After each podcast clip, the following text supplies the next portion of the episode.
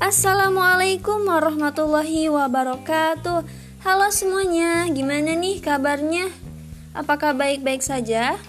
Semoga di mana pun kalian berada selalu diberikan kesehatan ya Di sini saya adalah Priska Oktavia akan membawakan sebuah podcast pembelajaran pada podcast kali ini kita akan sedikit membahas mengenai sistem layanan usaha tanpa menunggu waktu yang lama, langsung saja kita ke inti pembahasannya. Jangan di skip dan dengarkan sampai selesai ya. Selamat mendengarkan.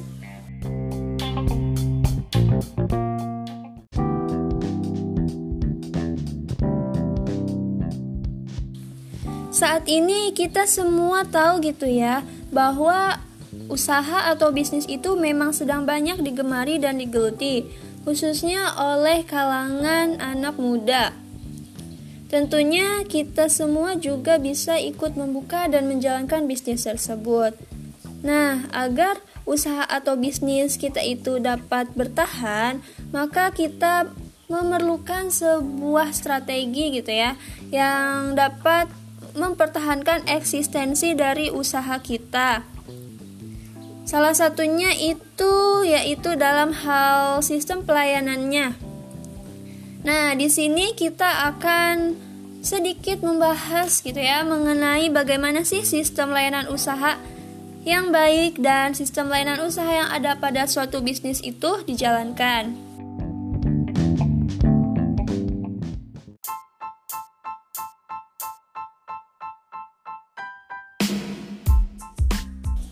Sebelum itu, kalian semua tahu nggak sih apa yang dimaksud dengan sistem layanan usaha itu? Oke, jadi secara definisi, sistem adalah suatu jaringan yang berhubungan antara satu sama lain menurut skema atau pola yang bulat untuk menggerakkan suatu fungsi yang utama dalam suatu usaha. Sedangkan pelayanan adalah bentuk pemberian layanan yang diberikan oleh produsen terhadap pengguna barang atau jasa yang ditawarkan. Jadi, berdasarkan dua pengertian tersebut dapat kita simpulkan bahwa sistem layanan usaha itu merupakan suatu rangkaian kegiatan yang berlangsung secara terus-menerus dalam interaksi antara satu orang dengan orang lainnya dengan tujuan untuk menciptakan kepuasan terhadap pelanggan.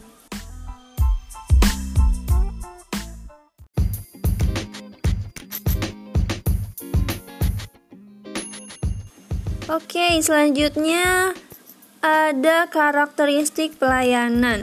Nah, jadi dalam karakteristik ini ada beberapa jenis ya. Yang pertama itu pelayanan sifatnya tidak dapat diraba. Jadi, pelayanan itu sangat berlawanan gitu ya sifatnya dengan barang jadi dan tidak ada bentuknya. Selanjutnya, pelayanan itu pada kenyataannya terdiri dari tindakan nyata dan merupakan pengaruh yang bersifat tindakan sosial. Yang ketiga, eh, kegiatan produksi dan konsumsi dalam pelayanan tidak dapat dipisahkan secara nyata karena pada umumnya terjadi dalam waktu dan tempat bersamaan.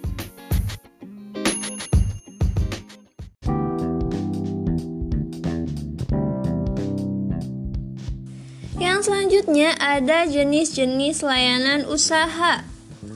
Yang pertama, layanan usaha itu ada menurut alur pelayanannya, yaitu ada pelayanan internal dan pelayanan eksternal.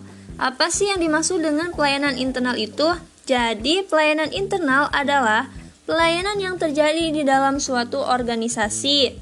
Contohnya, ada pelayanan vertikal dan pelayanan horizontal. Jadi, pelayanan vertikal itu merupakan pelayanan dari pimpinan atau manajemen kepada anggota organisasinya. Sedangkan pelayanan horizontal itu merupakan suatu pelayanan yang dari unit organisasi kepada unit organisasi yang lainnya. Sedangkan Pelayanan eksternal merupakan suatu pelayanan organisasi kepada masyarakat atau pihak di luar organisasi. Contohnya itu ada pelayanan makro dan pelayanan mikro. Pelayanan makro merupakan pelayanan dari organisasi kepada masyarakat luas yang tampilannya dapat diukur dari kualitas manajemen organisasi. Sedangkan pelayanan makro adalah pelayanan dari organisasi kepada masyarakat luas yang tampilannya dapat diukur dari kualitas tampilan fisiknya. Yang selanjutnya ada layanan usaha menurut pelanggan yang menikmatinya. Yang pertama ada pelayanan sebelum transaksi. Jadi pelayanan ini meliputi sistem operasional yang ditetapkan sebuah organisasi sebelum terjadinya transaksi tersebut. Yang kedua, pelayanan itu saat transaksi. Jadi, pelayanan ini dapat dirasakan oleh pelanggan selama proses transaksi berlangsung. Yang ketiga ada pelayanan setelah transaksi. Jadi, pelayanan ini dapat dinikmati oleh pelanggan setelah transaksi berlangsung.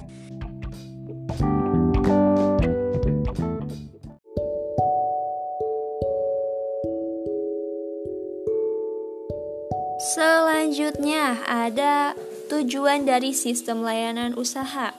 Nah, tujuan dari sistem layanan usaha ini yaitu untuk memberikan pelayanan yang dapat memenuhi dan memuaskan pelanggan atau masyarakat, serta memberikan pelayanan yang fokus kepada pelanggan.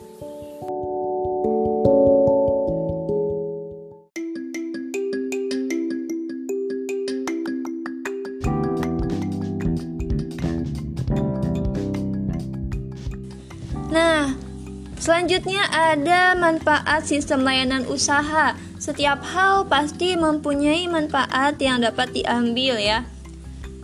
Manfaat dari sistem layanan usaha itu yang pertama untuk peningkatan kualitas pelayanan, yang kedua untuk kelangsungan hidup perusahaan. Nah, jika perusahaan tidak memberikan pelayanan yang terbaik, maka pelanggan pun tentu saja akan berpaling kepada perusahaan lain gitu ya. Yang ketiga, dapat memberikan kepuasan tersendiri bagi konsumen.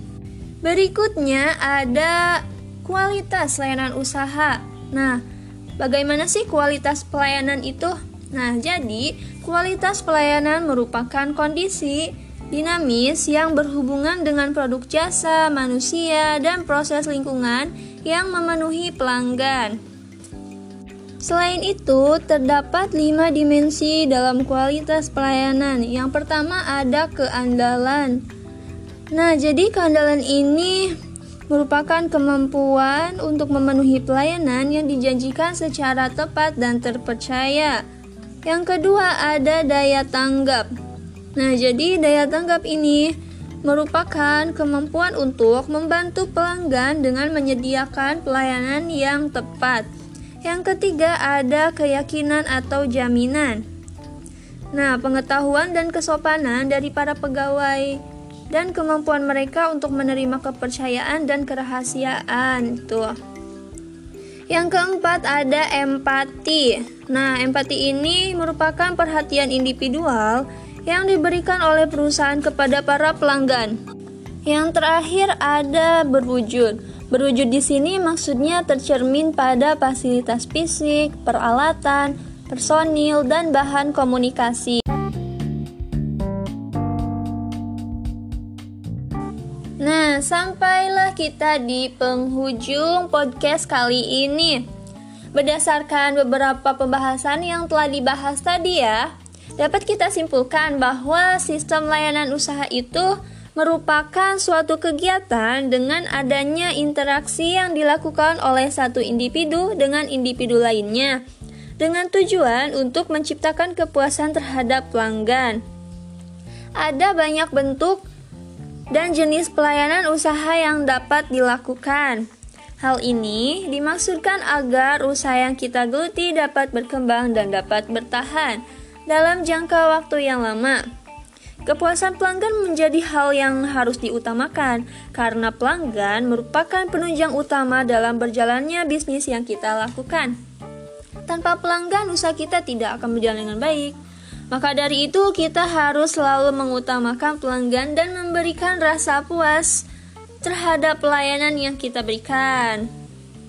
Nah, jadi teman-teman sekalian, terima kasih telah mendengarkan podcast kali ini. Semoga ilmu yang disampaikan dapat bermanfaat bagi pendengar sekalian.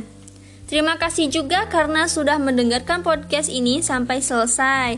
Mohon maaf jika ada salah-salah kata. Saya adalah Priska Oktavia, pamit undur diri. Sampai jumpa lagi di podcast berikutnya. Dadah.